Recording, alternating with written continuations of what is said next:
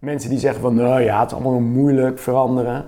Nee hoor, het is niet moeilijk veranderen. Als ik jou iets bied wat mooier en beter is, dan verander jij morgen. En dan, en dan heb ik nog niet eens prijs genoemd. In deze podcast ga ik in gesprek met Wobbe van Zoelen. Welkom en goed dat je luistert naar deze podcast volop inspiratie over ondernemen in horeca, leisure en hospitality. Mijn naam is Miriam Ermes. Ik ga in gesprek met ondernemers en managers uit de allerleukste branche over blunders en succesgeheimen. Met waardevolle praktische tips hoe jij de verwachtingen van jouw gasten kunt overtreffen. Dit is jouw inspiratiepodcast. Dit is van blunders tot succesgeheimen. Welkom Robbe en Ja. eh, superleuk dat je te gast wil zijn in mijn podcast van blunders tot succesgeheimen. Ja, heel graag. Ja, en eh, zou jij allereerst kort kunnen introduceren? Dus wie ben je en wat doe je? Nou, ik ben Robbe en ik ben eh 16 jaar geleden begonnen met Anemax. En ja, ik wilde een plek maken waar je echt op je gemak was. Een huiskamer in de stad. Ehm, en daar ben ik mee begonnen in, in Haarlem. Dus een plek waar je de hele dag terecht kan, waar je echt ontzorgd wordt. Mm, waar je je thuis voelt, waar je herkend en erkend wordt. Ehm, en dat met mooie producten waar we echt achter staan. Dus ik weet niet hoe diep je er meteen op in wil. maar, Nou, eh, nee hoor, dit is voor nu genoeg. En we gaan het gewoon van vooraf aan, gaan we er helemaal op in. Ja, En want jij hebt ehm, gestudeerd. Eh, ja. En wat heb je gedaan? Nou, eh, dat is een grappig verhaal. Ik, toen ik 17 was, eh, werkte ik in eh, restaurant eh La Rive, want ik dacht ik ga de hotelschool doen. Ja. Daar werkte ik in een crew van mensen, chef-kok, et cetera. En ik werkte in de bediening als de laagste in rang. Mhm. En daar was zo'n ontzettende verschrikkelijke sfeer, slechte sfeer, Oh, dat ik dacht, die hotelschool die is in mijn gebakken. Als dit de mensen zijn die daar vandaan komen, dan ga ik dat absoluut niet doen. Eh, dus toen heb ik opgezocht van wat was het vakpakket eigenlijk wat ik wilde doen op de hotelschool. En ik heb eh, gekeken waar ik dat eh, ook kon doen. En dat bleek een studie in Utrecht te zijn, die heet Internationaal Management. Oké. Eh, dus dat je ook talen en nou ja, van alles. Dus ik ben die studie gaan doen. En ehm, op zich was dat ook wel goed, want ik had echt een horecadroom die al vanaf mijn dertiende ongeveer startte. Ik wilde gewoon iets maken waar je je thuis voelt. Het had ook een hotel kunnen worden, maar in dit geval is dat natuurlijk een, eh nou, Anamax geworden.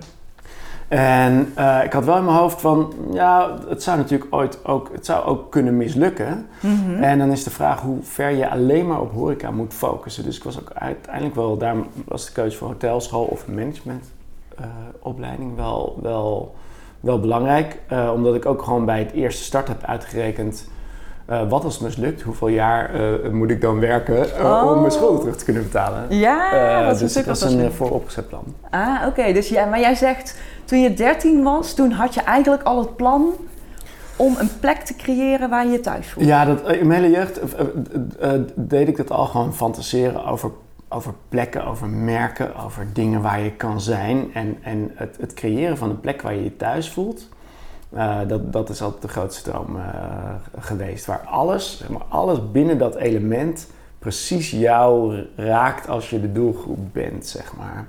En, en ja, de- dus dat, dat, ja, dat kan van alles zijn. Daar kan ik nu nog eh, heel, heel lang over, over dromen. Dat kan Ja. een, een vakantiepark, een hotel zijn. Dat kan echt van alles zijn. Maar hoe is die droom dan ontstaan? Miste je zo'n plek of had je zo'n plek? Of...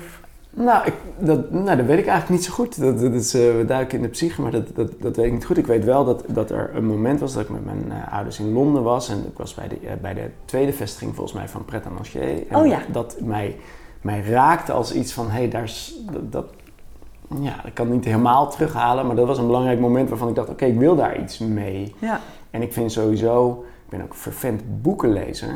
Oh ja. En ik zie dat in hetzelfde. Ik, ik hou ervan om werelden te, te creëren of in werelden te zijn. Het is net zoals als je in een, in een mooie film zit, dan zit je helemaal ingesloten in die film. Mhm. En zo hoort een concept, vind ik, ook te zijn. Ah, oké. Dus jij zegt van je moet je daar helemaal in kunnen verliezen eigenlijk. Zeker. Ja.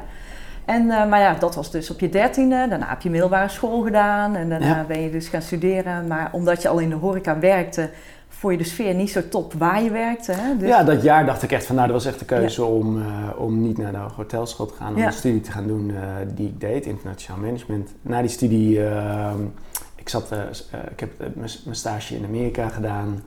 Dus daar kon ik ook leuk rondkijken naar allerlei concepten. En, en toen ik terugkwam dacht ik van oké, nu is de tijd om te beginnen. Maar ik ga eerst nog bij een bedrijf werken om te kijken hoe, het- hoe, hoe het werkt. Zodat ik niet Ja. echt gewoon helemaal naar mijn studie erin duik. Oh, je wilde eigenlijk meteen na je studie al... Dat gevoel eh, Ja. zat er wel. Ja. En toen eh, ben ik eh, na mijn studie nog één jaar ergens gaan werken. Dat is bij Australian Homemade, de ijsketen. Mhm.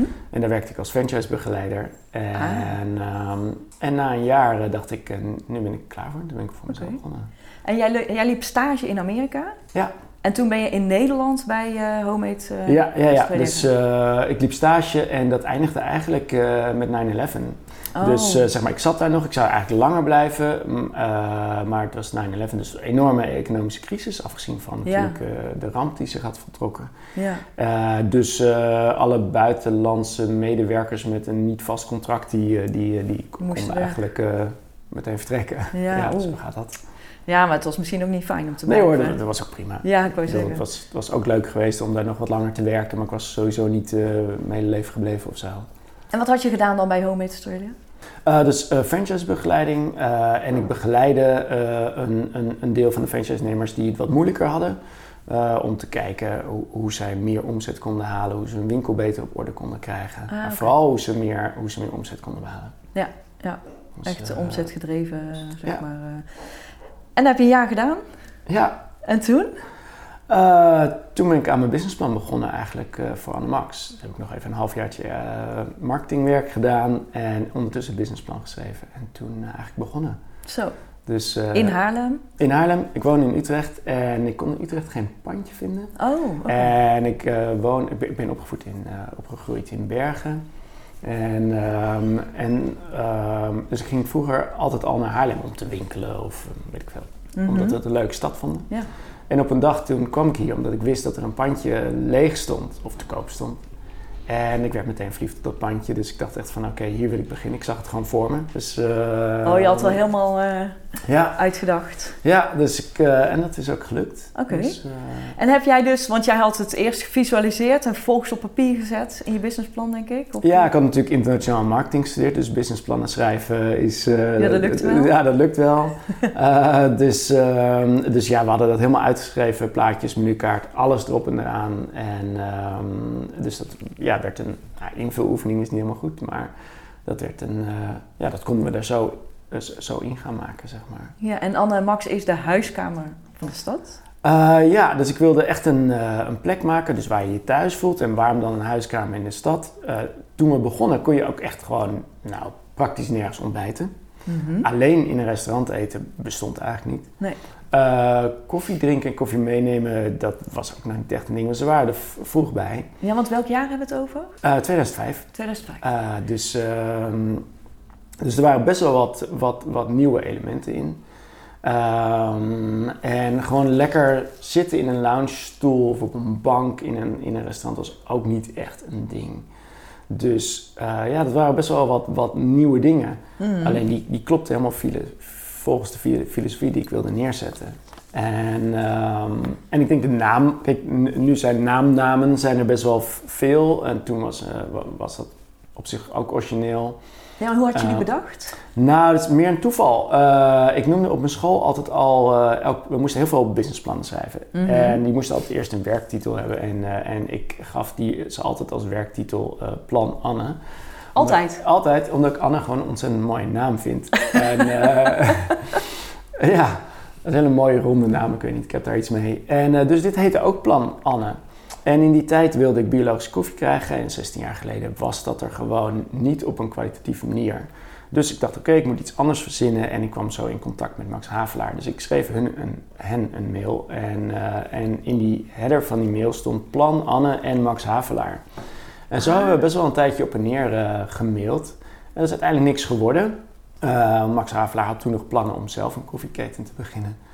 Ehm, en, eh, en uiteindelijk kwam daar de naam vandaan. Anne ja, en Max. ja, Anne en Max. Ja. Ja. en dat is heel grappig, want ik had, eh, eh, ik had een, zoals de marketeer betaamt, had ik twintig vrienden gevraagd om, om één keer in de zoveel tijd mee te kijken met wat ik aan het doen was. Dus ik stuurde een soort vraag, vragen uit. En ik zei ook, wat vind je van dit, deze menukaart? Wat vind je van deze kleuren? En daar antwoordden al mijn kennissen en vrienden op. En, eh, en na een tijdje moest ook een naam verzonnen worden. En ik had echt twintig namen. En op het laatst heb ik die naam erbij gezet. Nou, 19 mensen die, eh, die zeiden van nou, dit, past precies bij je naam. En één iemand die zei nee, dit is het absoluut niet. Oh, wauw. Maar die is nog steeds een vriend van me. Oh, toch wel. oh, hij mocht nog blijven. Mm. ja. En ehm, waar liep je tegenaan toen je daar eh, met je hele ja, reis naar de eerste Anemax? Mm, nou, eerst natuurlijk gewoon eh, budget. Dus, eh, Ja. dus we moesten alles, eh, elk dubbeltje omdraaien in het begin. alles zelf schilderen, alles zelf maken. Of nou, alles zelf maken, maar veel doen. Mhm. Wat op zich ook wel heel leuk is. En in het begin liepen we ook gewoon tegen onervarenheid aan. Ik wist wel hoe je in de horeca moest werken, maar en in de horeca werken en een team aansturen en alles goed krijgen was best wel veel. Eh bezorggroothandels had je nog niet, dus Oh. ik stond elke dag om vijf uur op en dan was ik om, eh, nou ik zeg even zes uur bij de groothandel en dan was ik om zeven uur terug en we gingen om Oh. acht uur open. Dus het was gewoon zelf naar de groothandel, ging natuurlijk niet elke dag, maar wel vaak. Eh voorraadplanning, rooster maken. Ja, digitale Het was roosters waren er natuurlijk nog niet. Nee. En, en, eh, dus dat, is wel, dat, was, dat was veel. En de eerste week was het rustig. En vanaf de tweede week stond er een rij. Bijna elke dag. en je had vanaf het begin af aan had je en binnen en takeaway. Ja, Altijd. ja. En toen waren we ook nog van half, eh, vanaf 8 uur s ochtends tot 10 uur s avonds open. Oh. En in al mijn wijsheid stond ik ook zeven dagen per week in de vloer. Al die, op de vloer al die tijden.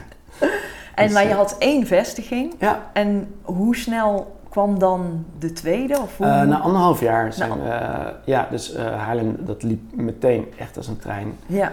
Eh, en toen gingen we eh Alkmaar openen. En die deed je ook zelf? Eh, die deed ik ook zelf. Ja, we hebben eerst opgebouwd naar vier eigen vestigingen en toen ben ik gaan franchisen. Oké. Ja. En jij hebt het altijd in je eentje gedaan? Of had je inmiddels een, een managementteam? Mm. Of hoe is dat gegaan?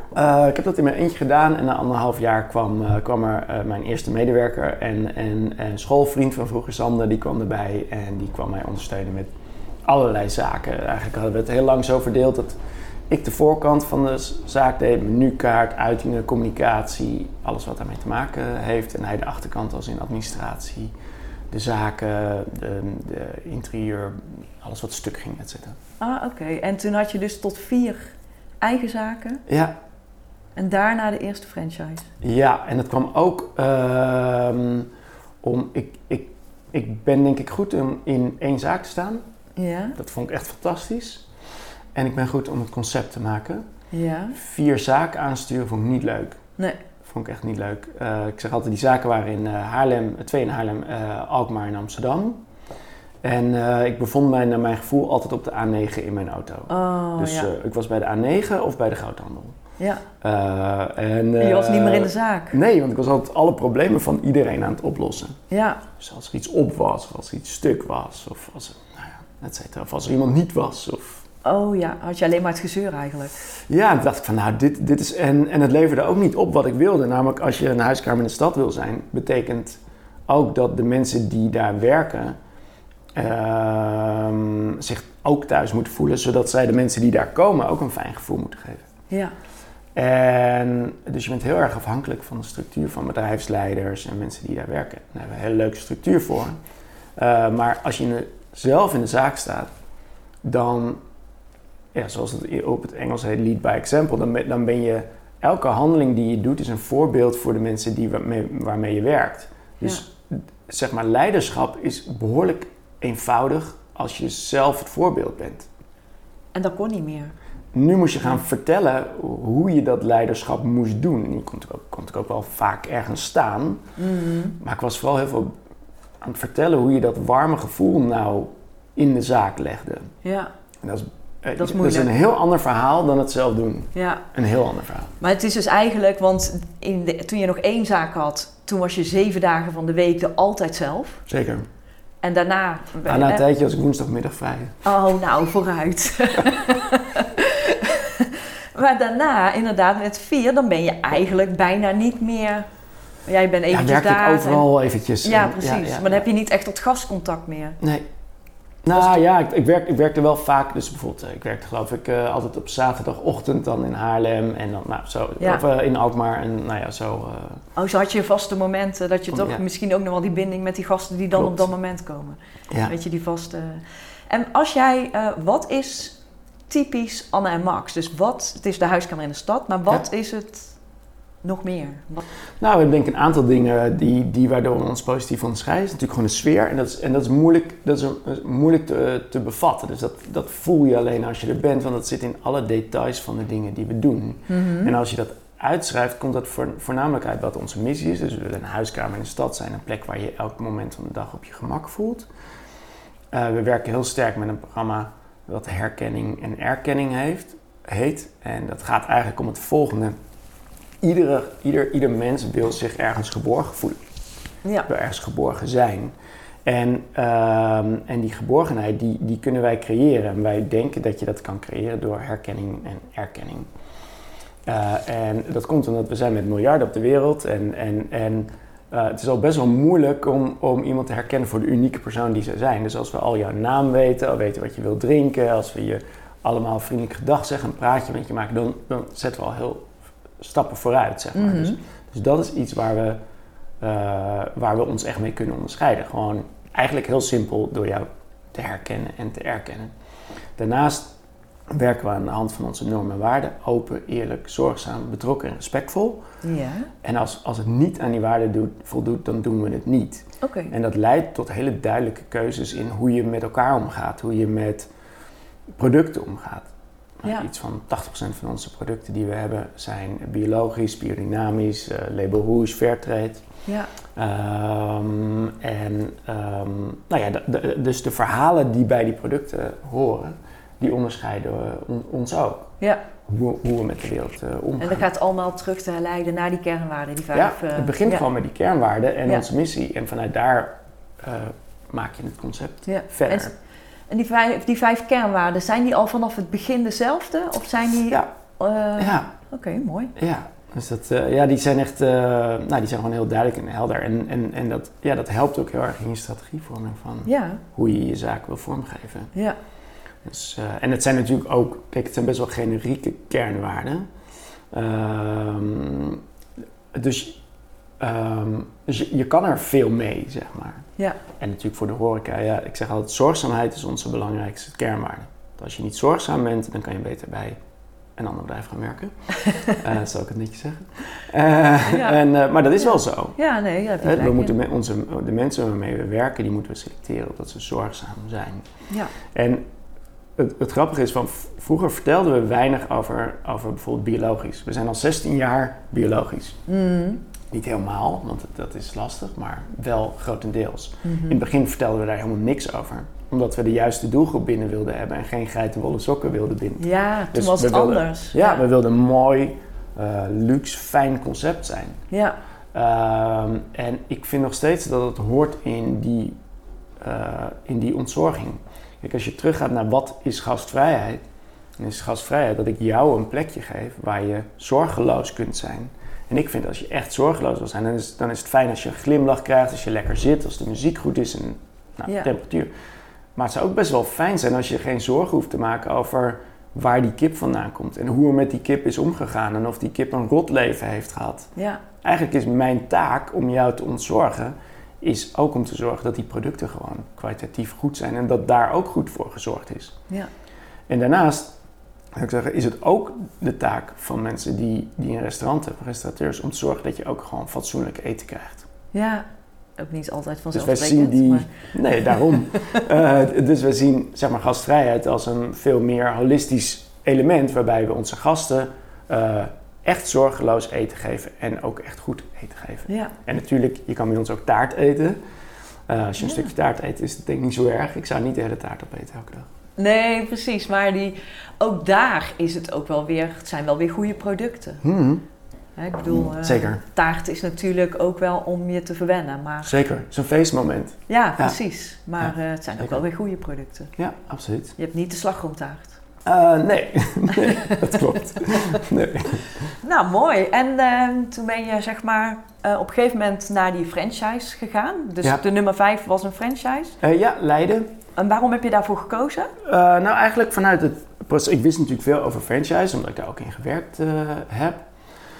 En eh, vanuit de, de ervaring met die vier eigen vestigingen en het aspect dat, het simpele aspect dat in elke herberg heb je een waard nodig. Iemand die het gezicht, het, het, de, de, de vaste waarde van een zaak is. Want als je een vaste waarde hebt, dan kan je vanuit die waarde kan je een team bouwen. Mhm. Want dat lead by example, zeg maar, omdat het mijzelf zo goed afging, omdat het zo makkelijk was. Nou, niet, het was niet makkelijk, maar omdat het veel makkelijker ging dan mensen leiding geven. ehm, dacht ik van oké, dat geeft een veel krachtiger effect aan gastvrijheid Ja, en aan eigenaarschap dan dat we eh, in die fase doorgingen met, met nog meer eigen vestigingen. ja, Ik vond, ik vond de kwaliteit en de service in onze eigen vestigingen op dat moment niet zoals ik dat zou willen. Ik wilde het gewoon beter. ja. En jij dacht van als ik daar zorg dat daar een eigenaar staat die Ja. ownership heeft en die, eh, denk ik, volgens Ja. dezelfde kernwaarden die bij hem passen, Ja. dan kunnen we dat weer beter maken. Ja. En hoe heb je dat dan gedaan met die vier vestigingen? Zijn dat uiteindelijk ook franchise geworden? Ja, eh, eh, die zijn, ja, uiteindelijk zijn dat ook, eh, behalve één, één, ik heb Haarlem is mijn eigen zaak. En, ehm, en de andere zijn ook franchise-vestigingen geworden. Ja, ja, ja. Oké, Ja. dus je hebt overal nu eigenlijk een echte herberg hier dan. Ja, Als het goed is wel. ja. Die, die de toko. En hoe vind je dan een goede franchise-nemer die bijpast? Nou, in principe op dezelfde manier als dat je eh, iemand vindt om, om mee, mee samen te werken of een medewerker. Ja, Eh, dus het gaat over, eh, als eerste ga je gewoon mensen zoeken die bij je passen, die dezelfde normen en waarden delen. ja, ja. En, en als ze dan, ehm, en natuurlijk die, die een droom hebben om een fijne plek te brengen. Ja, ja. En ehm, die franchise-nemers, die, ja, dat is hun eigen zaak, maar hoe ver hebben zij vrijheid om nog binnen het concept of de formule eh, eigen dingen bedenken? Of, je hebt behoorlijk veel vrijheid. Ligt eraan in welke richting je die vrijheid zoekt, zeg maar. Dus de kracht van een eh, concept en de samenwerking met ondernemers is dat we een vast omlijnd concept hebben waarbij een heel aantal dingen voor je gedaan zijn. Als je het ja, eigenlijk de gewoon- branding is gedaan. Ja. Branding, menukaart, interieur, styling, et cetera, dat, dat, Ja. dat ligt vast en dat maakt ook de kracht ervan. Want de gast vindt het fijn om, eh, om dingen te herkennen Ja. eh, eh, en dan weten ze waar ze aan, aan toe zijn. Dus inkoop voor die vaste menukaart ligt natuurlijk ook vast. Dat zijn allemaal dingen waarbij mensen ook bij ons komen, franchise-nemers, potentiële franchise-nemers, die zeggen van nou, ik wil heel graag een horecazaak hebben, maar ik ben niet zo goed in communicatie. Ja. Ik ben niet zo goed in een menukaart maken. Nou, Nou, perfect. Wij Ja. kunnen dat voor je oplossen. Ehm, en waar heb je dan heel veel vrijheid? Dat is in lokaal ondernemerschap. En je, en, ja, en je team wat daarbij hoort. ja, Het kan voor ons, voor ons niet gek genoeg hoe jij je lokaal ondernemerschap uitdraagt. Dus als je elke vrijdag een pianist met een hoed op wil of, of Oh, eh, een feestje of whatever. eh, alles wat binnen onze gedachtegang van, van wat wij doen past, Ja. staan we open voor. oké. Dus- En mogen zij ook nog deels iets aan de menukaart doen met lokale dingen? Of Loka- is dat... Zeker, Ja. heel graag zelfs dat Ja. ze lokale producten hebben. Ehm, eh, want dat maakt. Kijk, En lokale partners? Een, wat bedoel je met nou, eh, bijvoorbeeld een bakker of... eh, Oh ja, ja hoor. Eh, kijk, we hebben natuurlijk gewoon het Anamax brood of de Anamax koffie. En als je Ja. daarnaast nog een, een, taart van iemand uit de buurt wil, of Ja. een kaas, of nou, kan van alles zijn. Ja, superleuk. Ook omdat we, kijk, we zeggen we zijn een huiskamer in de stad, dus we hebben verbondenheid met die buurt. Dus daaruit spreekt al dat je ook echt verbonden wil zijn met Ja. die buurt, want anders zijn we een soort copy-paste concept wat overal precies hetzelfde is. Ja, Nee, we willen juist onderdeel zijn van die maatschappij daar in die plek, in die, plek. buurt. Dus ja. dan, dan is het juist ook leuk om met mensen samen te werken. We werken altijd met een lokaal goed doel. Ehm, nou, zo Leuk. zijn er allerlei aspecten waarin, we ons, eh, ja, waar, waar- waarin je samenwerkt. En eh, het is Ja. nu 2027. Oké. Hoe kijk je dan terug op de afgelopen vijf jaar? Nou, we, zit- we zitten nu echt in een, eh, weer in een nieuwe fase. Eh, zeg maar, kennelijk zitten er een soort ehm, horten en stoten in, zeg maar. Of een soort plateaus waarin je groeit. En we zitten nu in een nieuwe fase van eh, professionalisering en van groei. En van verbetering. Plus dat de wereld om ons heen natuurlijk ook best wel snel verandert. ja. Ja. Digitalisering, en et cetera. Automatisering. Dus ja, je past je binnen elk jaar steeds daaraan aan. Dat is wel iets wat wij veel doen. Eh, dus we zijn altijd veel bezig met een vernieuwde interieurplannen. eh, zodat elke Animax-vestiging eh, er up-to-date uitziet. En dat Ja. we niet in de val kunnen stappen waarbij onze zaken in één keer ouderwets allemaal zijn. Mhm. Dus daar zijn we veel mee bezig. Maar dat gaat ook in het ontwikkelen van menukaarten en, eh, en, en, ehm, en systemen. Mhm. Ehm, en, en daarnaast is, ja, merk je dat als je nou, boven de 20 vestigingen komt, dat er, dat er andere krachten spelen Mhm. waar je rekening mee, mee moet houden. Zoals? Dat de relatie met elke franchise-nemer anders wordt, dat die ook geprofessionaliseerd moet worden. Ja. Eh, dat de inkoop anders wordt. En al, allerlei dingen Ja. worden gewoon net iets anders. De, Ja. de relatie met leveranciers eh, wordt anders, omdat die echt volume moeten produceren. Ja. Ehm, kwaliteit, bewaking, et cetera. Alles wordt, wordt Ja. op een ander En niveau. jij zegt, ziet die grens echt zo boven de 20, dat je dan merkt dat dat... Ik denk dat bij ons een beetje, ja, zo, ik zeg nu even boven 20, maar het is niet helemaal 100% duidelijk. Nee, nee, nee. eh, maar zo ongeveer. Ja, eh, dan heb je zelf ook zoiets van, oh, we moeten nu echt eh, een stapje Ah, ja, je voelt het gewoon aan Ja. alle dingen die gebeuren en je ziet dat gebeuren. En, ehm, dus dat betekent dat je in al die aspecten gewoon net een slag professioneler wordt. En het leuke is dat dat ook kan omdat je de grootte hebt. Ja, Dus je kan gewoon de volgende stap maken. dus nu zit je eigenlijk in de fase dat je echt die professionaliseringsslag aan het maken bent. Op verschillende vlakken. Eh, ja, de, de volgende professionaliseringsslag. Kijk, Ja. de, de slagen waarvan je in het verleden dacht van nou, dat hebben we goed geborgd. Mm, Nou ja, die blijken nu beter te kunnen of anders te moeten. ja, Ja, dat is zo'n zo'n fase. ja, en dat zit hem op samenwerken met leveranciers, dat zit hem op, eh op Ja, nou ja, bijvoorbeeld ook in franchise contact. Kijk, eh, voorheen eh, kon elke franchise-nemer, die belde me, weet ik veel, vaak. Ja. En wist ik alle antwoorden. Oh ja, En, en dat, dat is, kijk, nu hebben we die posities verdeeld. En, en ja. ze Ehm, bellen niet allemaal meer naar Bobben. nee, Nee. nee, en dat is misschien, hoewel ik ze allemaal graag spreek, maar misschien ook wel fijn. Ja, Omdat het ook gewoon niet meer gaat. nee. Maar dat betekent wel dat je de service naar de franchise-nemers ook moet optimaliseren Ja. en professionaliseren. Dus dat je daar ook een stem aan moet geven Ja, voor dat zij precies weten wanneer zij iemand kunnen bellen met welke vragen. ja, en bij wie ze moeten zijn voor wat. Precies. En, eh, en niet denken van, ja, die wolven krijg ik nooit te pakken. Precies. En, eh, ja, ja, ja. Dus dat zijn, eh, ja, dat zijn interessante dingen. Dus hoe kijk ik terug vanuit 2027? Nou, A, A, dat we de volgende slag hebben gemaakt. En, en, ja, en de groeifase is ook gewoon soms, ehm, soms eh, echt even rennen. Ja, Als in, nou, eh, dit jaar openen we elke eh, twee maanden een vestiging. En Oh, in wauw. sommige, sommige periodes zelfs eh, ja, twee in een maand als het net even anders valt.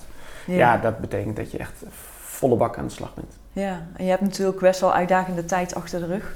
Ook, ja. Ja, Ja, maar nu... ja. Maar, even vergeten alweer. was je het alweer vergeten? Nou, probeer, probeer te vergeten. Probeer het te vergeten, ja. Maar, maar nu, het, het is dus wel zo dat je echt weer nu kunt groeien om... eh, Zeker, ja, we zijn in corona ook nog wel een beetje gegroeid. Er ook eh, drie vestigingen geloof ik geopend. Oké, Maar dat, ja, dat is dan wel, dat is dan echt best wel ingewikkeld om dat voor elkaar te krijgen. ja, ja. Dus, eh, En nu open je elke twee maanden een nieuwe vestiging voor de komende ja, zo periode. ongeveer, ja. ja. Dus zit je eind van het jaar, zit je al bijna op 30. Dat, dat, daar moeten we uitkomen. Ja. Ja. En het zal vast net wel of niet lukken. Dat, dat, dat, Oké. ja, dat zullen we zien. En heb je dan vaste teams die eh, zo'n verbouwing doet? Of, Ja, eh, ja, dat, dat- ja, over organisatie. Van als, Ja. je in een, als je dus in dat ritme komt, dan moet alles dus strak staan. Dus de hele doorlooptijd van, van dus de hele planning van een pand vinden, franchise-nemer vinden, ontwerp in verschillende fases tot aan, tot aan letterlijk ja, het eerste kopje espresso, eh, de Ja. eerste espresso die je zet. eh, ja, die moet dan ingepland worden. ja, Ja. mooi. ja, dus dat vraagt om een andere kracht ook. Ja. En hoe ga je dan, eh, hè, want je groeit dan best wel snel, hoe borg je dan dat die verwachtingen van die gasten toch overal worden overtroffen, op al die vestigingen? In eerste instantie dus gewoon de cultuur. Ja, Eh, ik ben ook echt wel in de val getrapt om te zeggen. Zodra je van de vloer afstapt, denk je dat je die, die, die, al die dingen kan borgen in regels.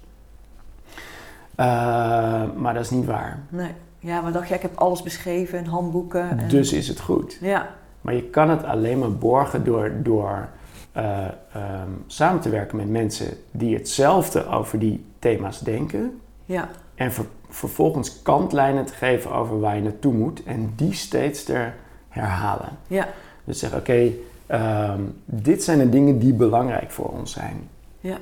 Ehm, en als je de juiste mensen hebt aangenomen en je zegt, die, dit zijn de dingen die belangrijk voor ons zijn, Dan snappen ze dat. dan ben je echt wel heel ver. Ja. Dan ben je echt wel ver. Dan, dan, dan kan je heel makkelijk stappen maken. ja, en zij kunnen dat dan weer doorvertalen aan hun eigen team, want dat is hun verantwoordelijkheid natuurlijk. Ja. Ja. Dus, dus kijk, en in ons geval is het wel, er is maar één ding is eigenlijk belangrijk. Nou, is niet, ja, in eerste instantie is, is maar één ding En wat echt is dat belangrijk. Is Gewoon wees ontzettend lief voor de gasten. Ja. Niks meer en niks minder. Want we kunnen het overal over hebben. Over snelheid, over kwaliteit, over hygiëne, over doorlooptijd, bezettingsgraad. Maakt allemaal geen klap uit. Nee. Eh, als we, we hebben die mooie producten, Ja. daar zorgen we voor. En als je gewoon lief bent voor de gasten, Ja. aardig, attent, Ja. op elk moment, daarmee kan je het het verschil maken. Ja. En de vraag is, hoe creëer je een cultuur waarin de medewerkers de vrijheid en de tijd hebben om, om daarmee bezig te zijn? Ja. En geef je daar dan bepaalde tools voor of mag ieder dat zelf? eh, Nee, daar zijn we mee, met- steeds mee bezig om te zorgen van hoe, hoe creëren we die situatie. ja, En dat is nooit af. nee. Nee, dat is ook gewoon een groeiproces natuurlijk. Ja, En je krijgt ook steeds weer een ander soort mensen weer op de markt die werken. Hè? Bedoel, je ja je bedoelt, ja, soms ander wel type mensen. Ik bedoel, Ja. je hebt de millennials gehad, nu krijg je Gen Z en weet ik het wel. Al die mensen zijn toch weer anders opgevoed en gaan toch weer anders met mensen om. Of kom je daar niet? Nou ja, ik ervaar dat dat, niet? dus Nee? niet zo. Nee, kijk, ik, ik denk altijd als we het over jonge mensen hebben. Iedereen is 16. Ja. En dan kan je in verschillende generaties 16 zijn, maar je bent 16, je weet nog niet precies hoe alles werkt, of net wel een beetje, maar toch niet helemaal. Als, als ik jou opneem in een team en ik geef je een aantal taken en ik zorg dat jij goed bent in die taken, dan is dat fantastisch. Ja, Omdat dat de eerste taken zijn in je werkende leven waar je in kan excelleren. ja. Als ik je daarin waardeer in het team, maakt niet uit van welke generatie je Nee. bent, dan ben je daar gewoon ontzettend blij mee. Ja. En dan ga je lekker aan het werk. En fantastisch van de huidige generatie is natuurlijk dat zij meer dan alleen eh, geld of werk, eh, ook de hogere doelen, zeg maar de doelen als van waar staat een bedrijf voor, ja dat belangrijk vinden ze belangrijk. Nou, ja. dat werd wel eens tijd eigenlijk dat mensen Ja. er zo over dachten. Dus ik eh, eh, ben eh, zeer blij en, en dankbaar voor de nieuwe generatie. Kom maar door. ja. Het zou fijn zijn als die andere generaties er ook een keer zo over zouden Nou ja, denken. dat klopt wel. Want ik krijg het van mijn dochter heel vaak terug van... ja, mam, maar wat betekent dat dan voor de wereld? Of, Hmm. Ja. ja, dus dat De is vraag, wel, ja, ik vind het heel essentieel. is bijvoorbeeld de, de vraag is, waar ik toevallig een tijdje geleden veel met iemand sprak. Ehm, we doen zoveel aan producten waar producten vandaan komen. En ik vind dat logisch. En iemand vroeg, waarom is dat eigenlijk logisch? Dus we gingen erover doorpraten. Dan van, hoe kan je nou ergens zitten waar je totaal ontzorgd bent en daar producten eten eh, die niet uit een zorgzaam, eh, zorgzame omgeving komen of met zorg bereid zijn? Ja, Dus, waar, dus eigenlijk eet je iets wat ten koste is gegaan van iets anders. Ja. Vind je het oké dat iets wat jij doet ten koste gaat van iets of iemand anders? Ja. Nou, mensen denken daar niet zo bewust over na, maar het is best wel is het. heftig. Dat is het. Mensen denken daar niet over na. Nee, Nee. Nou ja, steeds meer mensen steeds wel. weer. Dus ja. En dan heb je het inderdaad nu over die jongere mensen. Die denken daar ook echt steeds meer over na. Ja. Dus dat is wel echt een mooie ontwikkeling. En daar Zeker. nemen zij hun ouders ook weer in mee. Dus dat, ik denk dat dat wel een beetje een, nee, dat is een sneeuwbaleffect zou moeten zijn. Ja. Dus dat is ook gewoon een kwestie van nou, eh, nadenken. En, en ja, ik vind dat fantastisch aan die Ja. generatie. En ja, dat, dat, dat we in de horeca moeite hebben om mensen te vinden. Ja, dat, ik denk dat dat ook een stukje van je achterliggende vraag is. Dat, dat, ja, dat komt natuurlijk ook om het kritisch te zeggen naar de hele horecasector als geheel. We, we zijn in de afgelopen 15, misschien wel 20 jaar niet in staat geweest om waardevolle banen te creëren die mensen langdurig willen uitvoeren. Ja. Dus je, kijk, je kan zeggen van, ehm, je kan achterover eh, gaan liggen op je rug en eh weet je, poot in de lucht zo, "Oh, ik kan geen personeel vinden. Hmm. Maar het eerste wat je moet doen is, ja, dat vaststellen, kan, kan ik mensen vinden? ja. En dan is de vraag, waarom kan je die eigenlijk niet vinden en hoe kan ik dat oplossen? ja. En, en wat is mijn rol daarin? En zijn jullie daar ook echt mee bezig? Ja, uiteraard zijn we daarmee bezig. Ja. Maar ja, wij waren al een tijdje met dat project bezig, omdat we al drie jaar geleden gestart zijn met een project om te zorgen dat mensen langer bij ons zouden blijven werken. Hmm. Eh, als, kijk, ik vind als je, eh, als je een plek wil creëren waar gasten op hun gemak zijn, dan kan het alleen als je medewerkers zich ook thuis voelen. Ja, En als je wil dat je medewerkers zich thuis voelen, dan zal je daar een fijne werkplek moeten bieden. ja, dan zijn ze er ook iets langer dan een half jaar. Precies. Ja, ja. Dus, dus ehm, ja, de 1 en 1 is 2. Ja. Maar ik wil niet zeggen, ik- het is niet zo van, oh, wij hebben alles goed gedaan en, eh, en de rest van de horeca niet. Zo bedoel ik dat helemaal nee, niet. Nee, nee, Eh, nee. We hebben daar net zo vaak eh, fouten in gemaakt. Ja. Ehm, en en ehm, alleen dat, ja, je moet daaraan blijven werken. Ja, maar dat besef is natuurlijk gewoon nu de afgelopen jaren gekomen van de hele branche. Hè? Het- Dus dat is natuurlijk ook zo. Ja. En jij zegt ook van, hè, onze mensen, is eigenlijk maar één ding belangrijk, dat is lief zijn voor de gasten. Ja, En jij had in het begin, zei je ook over herkenning en erkenning. Ja. Dus eh, leren ze dan ook dat het belangrijk is dat, zeker bij terugkerende gasten, dat ze namen weten of dat ze weten wie het is of dat ze...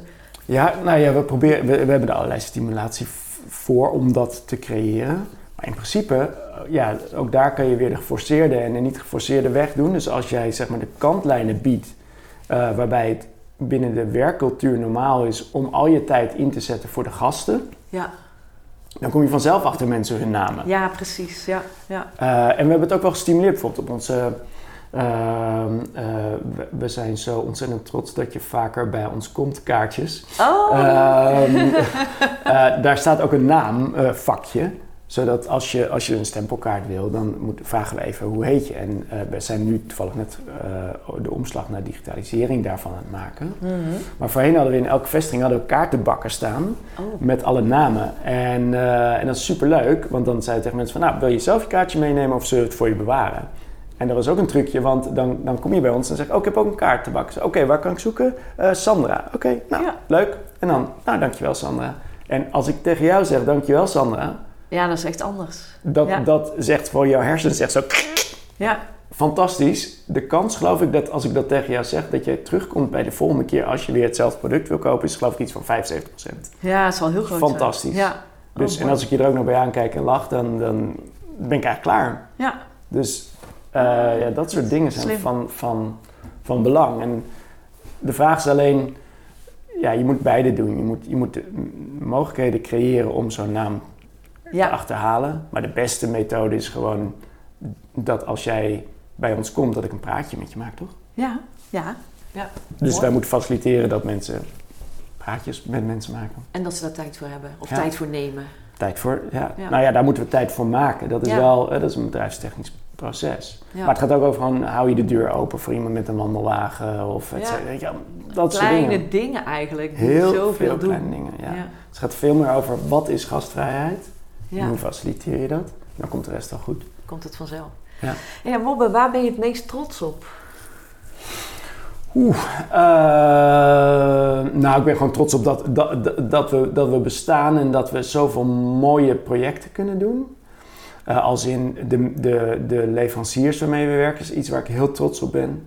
Ehm, de ambachtelijke producten die, die, die we hebben en dat mensen daar ook weer van afhankelijk zijn. Ja. Ik ben heel erg trots op de hoeveelheid mensen die bij ons werken. Eh, en ik ben heel erg trots op, op de ontwikkelingen die, die eh franchise-nemers en, en medewerkers doormaken. Uit, uit mijn filosofie. En je moet voorstellen, ik heb gewoon een droom. Ja. Het is een simpele droom van iemand die dus op zijn dertiende begint. Ja. En, eh, en, en nu zijn er 500 mensen of zo die in een Animax-shirt werken. En dat is op zich leuk. Dat zou je nog als een soort egocentrische iets kunnen vinden. Van, oh, nog 500 mensen. Die, maar maar, eh, maar dat, vind ik, dat vind ik niet zo eens zo. Daar denk ik niet zoveel over. Nou, dat, dat zegt iets over de schaal. Maar het belangrijkste is dat die mensen allemaal ergens eh, bezig zijn met een stuk van, van mijn droom, van, van mijn filosofie. Ze lezen over de Anamax-producten, ze worden daarmee opgeleid. Ik hoop, hoop hun een stukje mee te geven in hun leven van de normen en de waarden en gastvrijheid. En hoe je gezond en lekker kan eten. Ja. En daar ben ik denk ik het meest trots op. Dat die mensen, sommige van hen dat op kunnen pakken. En daar ook een carrière uit maken. Ja, dat is natuurlijk fantastisch. En toen jij 13 was, had je dan ook een beetje gevisualiseerd dat er dat ongeveer zo uit zou zien als dat het er nu uitziet? Of is dat... Oef, ehm, nou dat weet ik eigenlijk niet zo goed. Ik, Of had je gewoon aan wel- één plek gedacht? Nee, ehm, wel altijd meerdere. Ja, en in horeca is het wel, vind ik zo, het is één of veel. Eh, en alles daartussen is best wel ingewikkeld. Ja, want anders krijg je wat jij had met je vier vestigingen, dat Ja. je alleen maar op de A9 Negen, ja. zat. Ja, ja, eh, Ja. één of veel. En, ehm, dus ja, ik, ik denk altijd, je moet heel groot denken.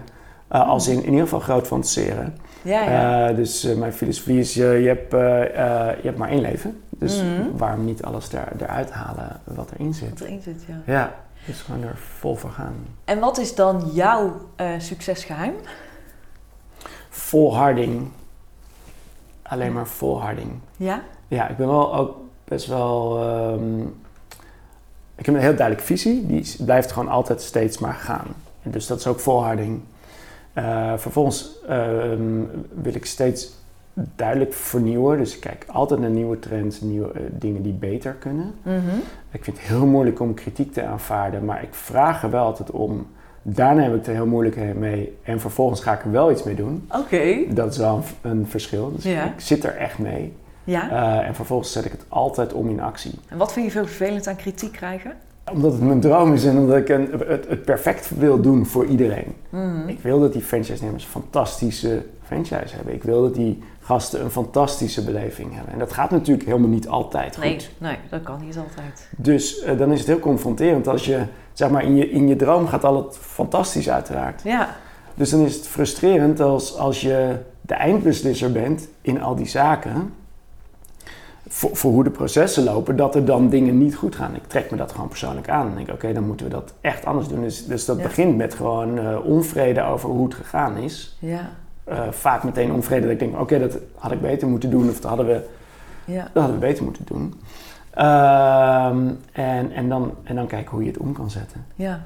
Kijk, dat is misschien ook wel het lastige van ondernemerschap. Je kan iedereen de schuld geven, maar uiteindelijk is er maar één echt verantwoordelijk. En aan het eind van de dag ben je, ben je dat zelf. Dat ben je zelf, ja, inderdaad. Als je mensen niet goed functioneren, heb je ze niet goed aangestuurd. Zijn het de verkeerde mensen, heb je de verkeerde mensen aangenomen. Ja, oh, er is altijd maar eentje die er echt verantwoordelijkheid voor draagt. Zo hè? is het. Ja, precies.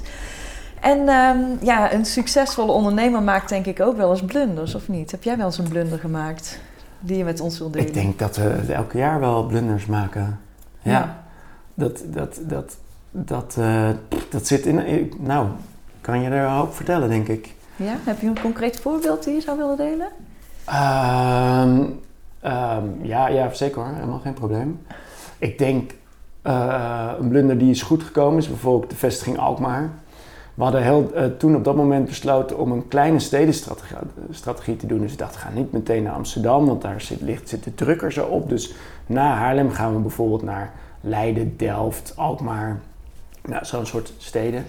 En, ehm, en in, in Haarlem was het echt zo, we gingen, we gingen open en na een week was het druk. En in Alkmaar gingen we op de eerste dag open, stonden we met zes mensen klaar. En er kwam alleen de moeder van de, van de keukenmedewerker. Er was één iemand, hadden een omzet van 6,25 geloof ik. Oh, op de En, hele eh, dag? Op de hele dag. En ehm, dus dat was op meerdere manieren een blunder. Kijk, vanuit Haarlem hadden we gezegd van... Als we open gaan, dan doen we zeg maar een soft opening. Ja, We gaan, eh, dan kunnen we lekker inwerken. ja. Maar ja, als er niemand komt, is het wel heel soft, zeg maar. Ja. Eh, dus daar moesten we echt gigantisch hard aan trekken. Oké, en dat Ja. had je gewoon helemaal niet ingeschat. Nee, En waar lag dat aan? Ja, inschattingsfout. Ja. Ja, ik denk gewoon een inschattingsfout. Maar was het dan eh, eh, inschatting van de mensen die er wonen? Of Op, van... op alle vlakken. Eh, dus, dus we hadden kennelijk niet goed ingeschat hoe de mensen zouden reageren, of mensen er al klaar voor waren. Ehm, eh, we hadden de communicatiestrategie kennelijk niet goed op orde. Ja. Ja, er waren, dus, waren vele blunders te benoemen. En hoe heb je dat nu... Wat heb je veranderd, zeg maar, bij een nieuwe vestiging? Eh, Wat heb je ervan we geleerd? gaan het first erin. Altijd. Dus zeg maar de hele, het hele idee van soft opening, en dat is ook echt gevaar in de horeca, is, is dat je team dan kan wennen aan het feit dat het steeds drukker wordt. Mhm. Want je wil vanaf dag één de service geven die hoort bij het soort zaak dat je bent. En als het vanaf dag één super druk is, is dat behoorlijk ingewikkeld. Ja. Dus moet je zorgen dat je dat oplost. Nou, oké, dus eh, één, moet je communicatie echt opbouwen naar het moment van opening. Dus je wil de lokale mensen betrekken bij het feit dat je open gaat in allerlei acties en Ja. openingsmomenten. En twee, je wil dat het team wat daar staat, of een deel van het team in ieder geval, al de procedures en de werkzaamheden zeer goed kent en op snelheid kan doen. Zodat het vanaf dag één meteen strak staat. Dat je gewoon kan knallen meteen. Ja, dus dat betekent dat je eh, mensen moet inwerken in andere zaken, Ja. et cetera, et cetera. Dus je hebt inwerkprogramma's over de zaken heen. Ja, en we hebben, we hebben ook eh, inwerkdagen, dus we hebben een, een eh, familiedag. Oké. Eh, dus dan komt je familie eten en, en die mogen dan, die komen in verschillende shifts. En zodat we tussen die shifts door kunnen evalueren wat er goed en wat er goud ging. ah, Dus die moeten dan op een bepaald tijdstip komen, zo om de beurt. En dan mogen die allemaal bestellen wat ze willen. En dan, en dan kijken we op eh, streeftijden, et cetera, hoe het gaat. Dus het gaat natuurlijk allemaal mis. Ja. Eh, dan gaan al die mensen weer weg en dan evalueren van oké, wat is gebeurd? Ja. Eh, wat ging er mis? Waar, waar liepen we tegenaan? Eh, ja, weet ik veel, de overstand was niet goed of kon iets niet vinden. Whatever. Dus de tweede shift gaat beter. Als het goed is wel. Ja. En dan doen we dat nog een keer en dan gaan we open. Oké. Ja. En dat doe je allemaal op één dag? Eh, Dat doen we nee, meestal in een weekend. Oh, in een weekend? Ja, en dan gaan we meestal op maandag open. We gaan ook niet meer op vrijdag open. Oké, dat heb je allemaal geleerd. Vroeger gingen we wel eens op vrijdag open en dan was het meteen een rammetje vol en dan was het meteen drama. Oh, Ja. oh, wat mooi. En ehm, wie is jouw grote voorbeeld? Oef, eh, op verschillende vlakken, maar ik denk het, het meest inspirerende voorbeeld vind ik eh, eigenlijk de visie van eh Wubbo Okkels. Eh, hij leeft eh, helaas niet meer, maar Mhm. zijn visie eh, was als volgt dat alles wat beter is ook mooier moet zijn. En ik, dat is even mijn interpretatie van zijn visie. En dat gaat over, over verbeteringen. Dus heel veel mensen hebben altijd moeite met, nou bijvoorbeeld het gaat over duurzaam of, of biologisch. Ja. Een, een lang probleem van biologisch eten was dat het niet lekkerder was dan gewoon eten. Oh ja, tuurlijk. En ik kan ja. jou alleen overtuigen als het eten wat ik jou geef beter en lekkerder is. Ja, En daarom ziet Annemax er zo uit zoals het eruit ziet. ja. Het, het feit dat, dat we alleen maar biologisch, of bijna alleen maar biologisch en alles eh fair en goed gesourced is, eh, kan alleen bestaan als het beter of lekkerder in een mooie omgeving is dan dat het regulier is. Want anders overtuig ik je niet. ja. Het, het mooiste, of het mooiste, nou, een voorbeeld daarvan is, is natuurlijk heel knap, is, is natuurlijk Tesla.